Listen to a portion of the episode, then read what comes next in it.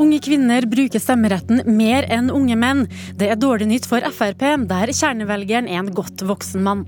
Ett år før lokalvalget vet Siv Jensen at hun må vinne flere kvinner om Frp skal vinne mer makt.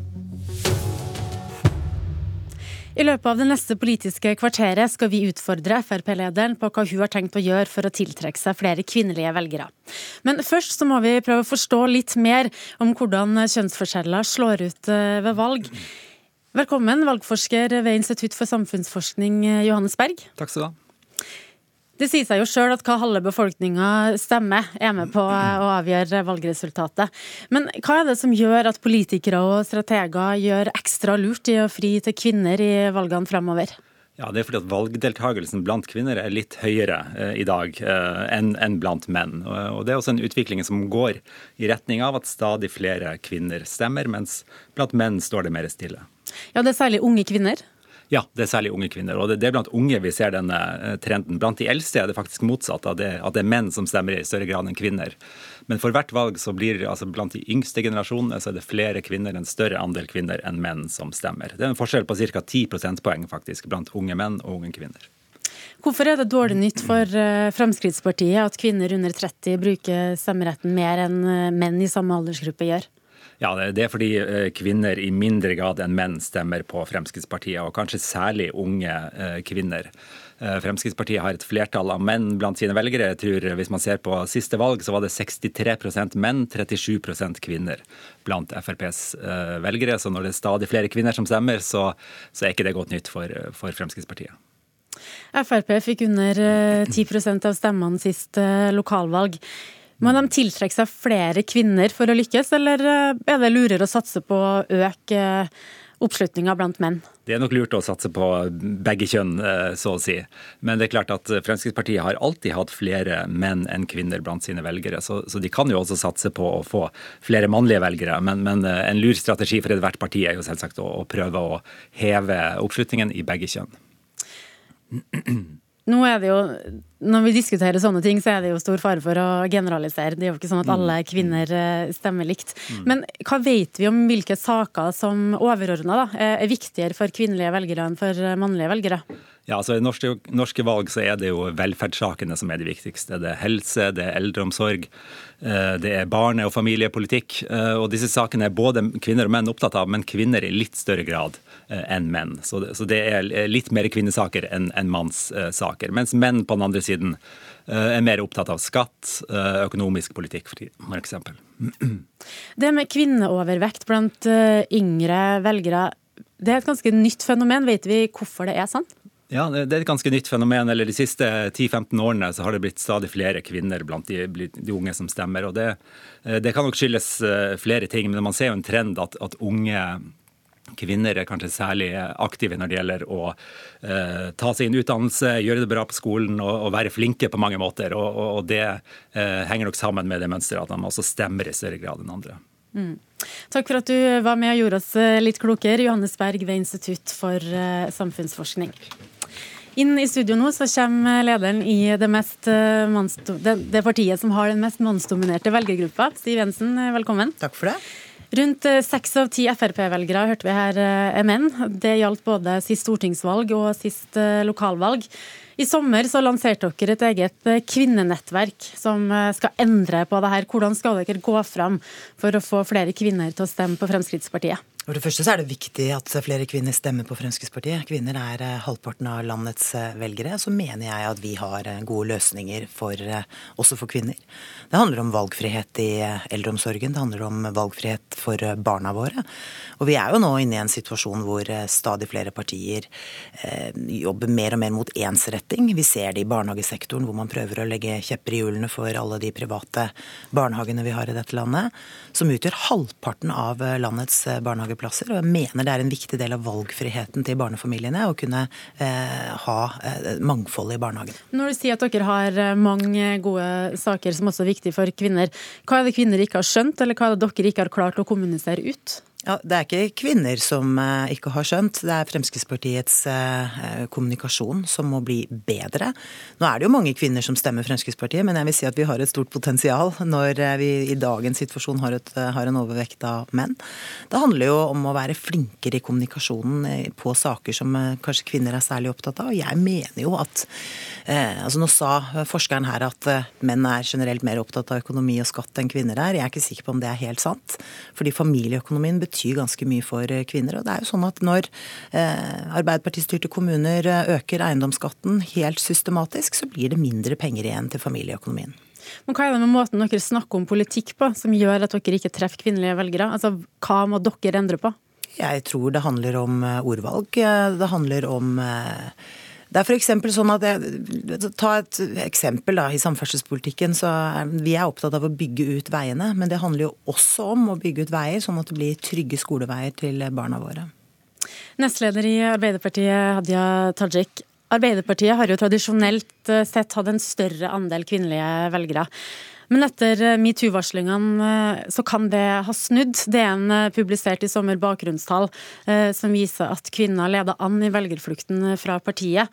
Andelen kvinnelige velgere var under 50 og Tillit er jo som kjent vanskelig å vinne og lett å miste. Hva skal dere gjøre for å vinne tilbake tilliten?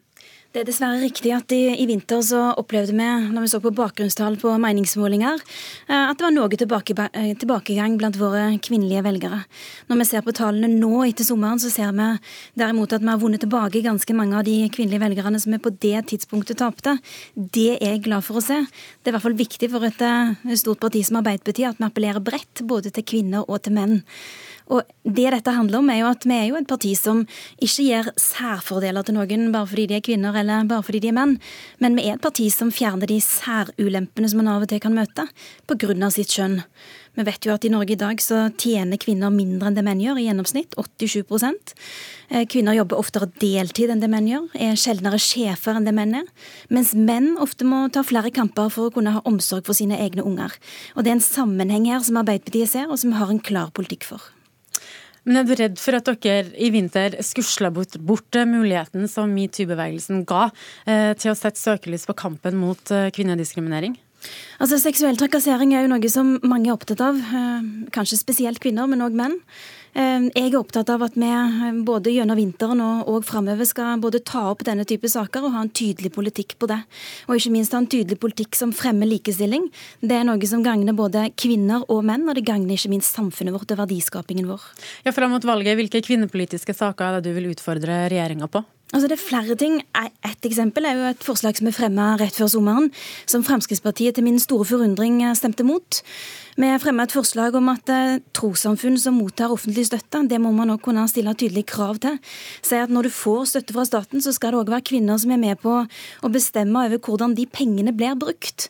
Det valgte altså eh, Høyre og Fremskrittspartiet å si nei til. Det er noe som ville kunne bidra til å fremme likestilling. Bra for damene, bra for trossamfunnet, ikke minst er det bra for Norge. Ja, Siv Jensen, er motstanden mot uh, kvotering sterkere i Frp enn ønsket om å stille likestillingskrav til moskeer? og andre trossamfunn? Nei, jeg tror vi er opptatt av eh, begge deler. Vi Hvorfor stemte dere ikke for det, da? Jo, men Regjeringen jobber jo helt systematisk også med å gå gjennom eh, regelverket for eh, trossamfunn. Men nå er det jo veldig mange saker jeg tror det er viktig å, å løfte. Eksempelvis er jo den politikken vi nå fører for å legge til rette for kvinnelige gründere, f.eks. Der ser vi en fremvekst hva, hva det, Bare hvis vi går litt ja. tilbake til det med, med trossamfunn og krav om likestilling. Du sier det er flere saker. Mener du at regjeringa har noe på trappene som er litt eh, i linje med det Arbeiderpartiet foreslo? Er det derfor dere stemte ned? Regjeringen jobber ganske systematisk også med å gjennomgå lovverk og regelverk knyttet til eh, trossamfunnene. Så er det jo sånn at det er ikke alle forslag Arbeiderpartiet fremmer eh, som fortjener å få flertall. Jeg tror det er eh, mange ting i det forslaget vi kan være enige om er viktig. Eh, men tilbake til også spørsmålet ditt om kvotering. Jeg mener jo at kvotering er et undertrykkende virkemiddel. Jeg mener at kvinner og menn stiller på lik linje gjennom den, eh, det regelverket vi har. Og så er det mye vi kan gjøre for å legge forholdene bedre til rette for kvinner i vårt samfunn, bl.a. ved å gjøre noe med all den ufrivillige deltiden som vi særlig ser i pleie- og omsorgsyrkene. Veldig bra, det har jeg òg lyst til å ta tak i. Jeg syns jo for øvrig at det er mer undertrykkende å ikke få være med på å bestemme, enn at man bruker kvotering som virkemiddel på at, for at damene i trossamfunnet òg får være med på å bestemme. Jeg syns heller ikke at det er spesielt ambisiøst å gjennomgå lovverk. Da er det mer ambisiøst å vedta de endringene som skal til. Du har Men, sittet okay. i regjering, du og Hadia vedtatt at lovarbeidet må gjøres på en ordentlig måte. ja, det går det an å gjøre. Det er ikke noe problem. Men la oss ta tak i deltid. Her har jo regjeringa valgt å fjerne den beskjeden som helseforetakene pleide å få da Arbeiderpartiet satt i regjering, og som vi mener at man bør gjeninnføre, nemlig beskjeden om at helseforetakene må få opp andelen heltid. Det, I dag vet vi at det er tre av ti ansatte i helsesektoren som jobber heltid, så eh, mulighetene er ganske store. Det er veldig mange av de som ønsker å ha en større stilling. Og da kunne man bruke det politiske virkemidlet det, og gi den beskjeden fra regjeringens hold at uh, helseforetakene må gjøre den jobben. Det har de valgt å ikke gjøre. Men altså den beskjeden som Hadia Tajik kaller det, den var altså der også før, uten at det ga resultater når det gjaldt ufrivillig deltid. Vi har hatt problemer med ufrivillig deltid i veldig mange år. Og da tenker jeg at det er andre grep vi må ta tak i for å få det til. Annet se på hvordan man innretter turnusordningene i de enkelte enkelte sykehjemmene innenfor hele pleie- og omsorgssektoren. Eh, det er mulig å gjøre noe med dette hvis man vil. Eh, om de sykehjemmene som f.eks. har prøvd ut alternative turnuser, ser også at flere av deres ansatte kommer opp i eh, større stillinger, flere kommer i heltidsjobb. Så det må være mulig å tenke litt utenfor boksen. Men her møter jo vi motstand fra Arbeiderpartiet, som ikke vil ha større fleksibilitet i regelverket, og som faktisk kan gi bedre resultater. Når det gjelder helse- og omsorgssektoren, så er jo også det likelønn likelønn eh, et viktig tema. Og i opposisjon, eh, Jensen, eh, så foreslo du i Stortinget at regjeringa i forlengelsen av lønnsoppgjøret skulle sikre lønnsløft for lavtlønte kvinner i offentlig sektor, og sikre at kommunene ble kompensert. Nå sitter du i regjering. Har du planer om å gjennomføre det du foreslo i opposisjon? Jeg mener det er utrolig viktig at eh, både kvinner og menn har muligheten til å tjene likt når de utøver det samme yrket. Og det er ingen grunn eh, til at man skal ha ulik avlønning bare fordi man har forskjellig kjønn. Så dette må det gjøres eh, mye større jobb med. Men her er det mange som har ansvar. Kommunene Men er det aktuelt som... å ha en likelønnspott f.eks. For, eksempel, for kvinnedominerte yrker? At, de, at, deres lønn blir heva? Jeg tenker i hvert fall det er viktig at vi gjør eh, vårt gjennom trepartssamarbeidet for å få satt eh, større fokus på dette. Men her har også kommunene viktig, eh, et viktig ansvar, som er hovedarbeidsgiveren for store deler av, av lavtlønnsyrkene, av pleie- og omsorgsyrkene, hvor kvinner dominerer blant de ansatte. Tajik, Arbeiderpartiet stemte jo mot FrPs likelønnsforslag i 2009. Det pekes jo her på partene i arbeidslivet. Men det har jo vært snakka om det her lenge, og den modellen vi har, har jo ikke løfta denne gruppa nevneverdig sammenligna med mannsdominerte yrker, annet enn å peke på forhandlingsinstituttet. Hvilke verktøy har Arbeiderpartiet for å oppnå likelønn? Det går an å f.eks. fra myndighetene sin side å si at eh, her har vi en likelønnspott, altså at vi bidrar til å sette penger på bordet for å faktisk eh, få til den utjevningen av forskjeller som vi her er ute etter å gjøre.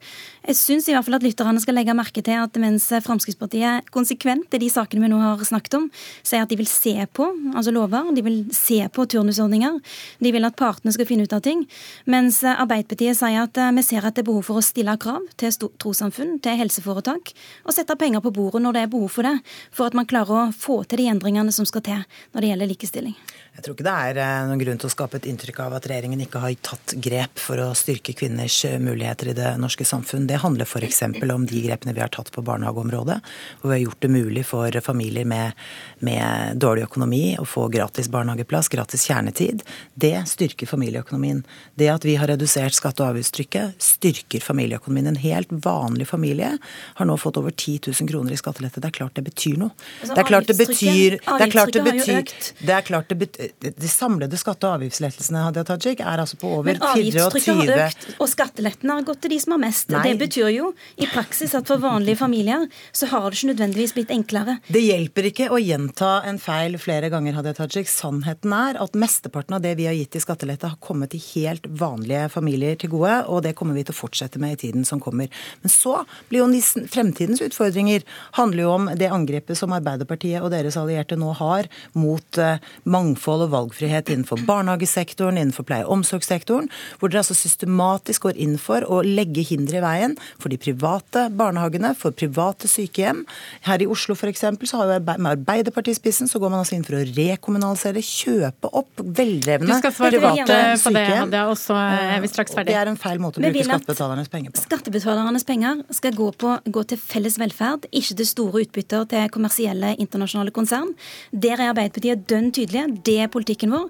Mens Siv Jensen ønsket frislepp for private kommersielle aktører. Nå er sendinga rett og slett over. Takk for at dere var med.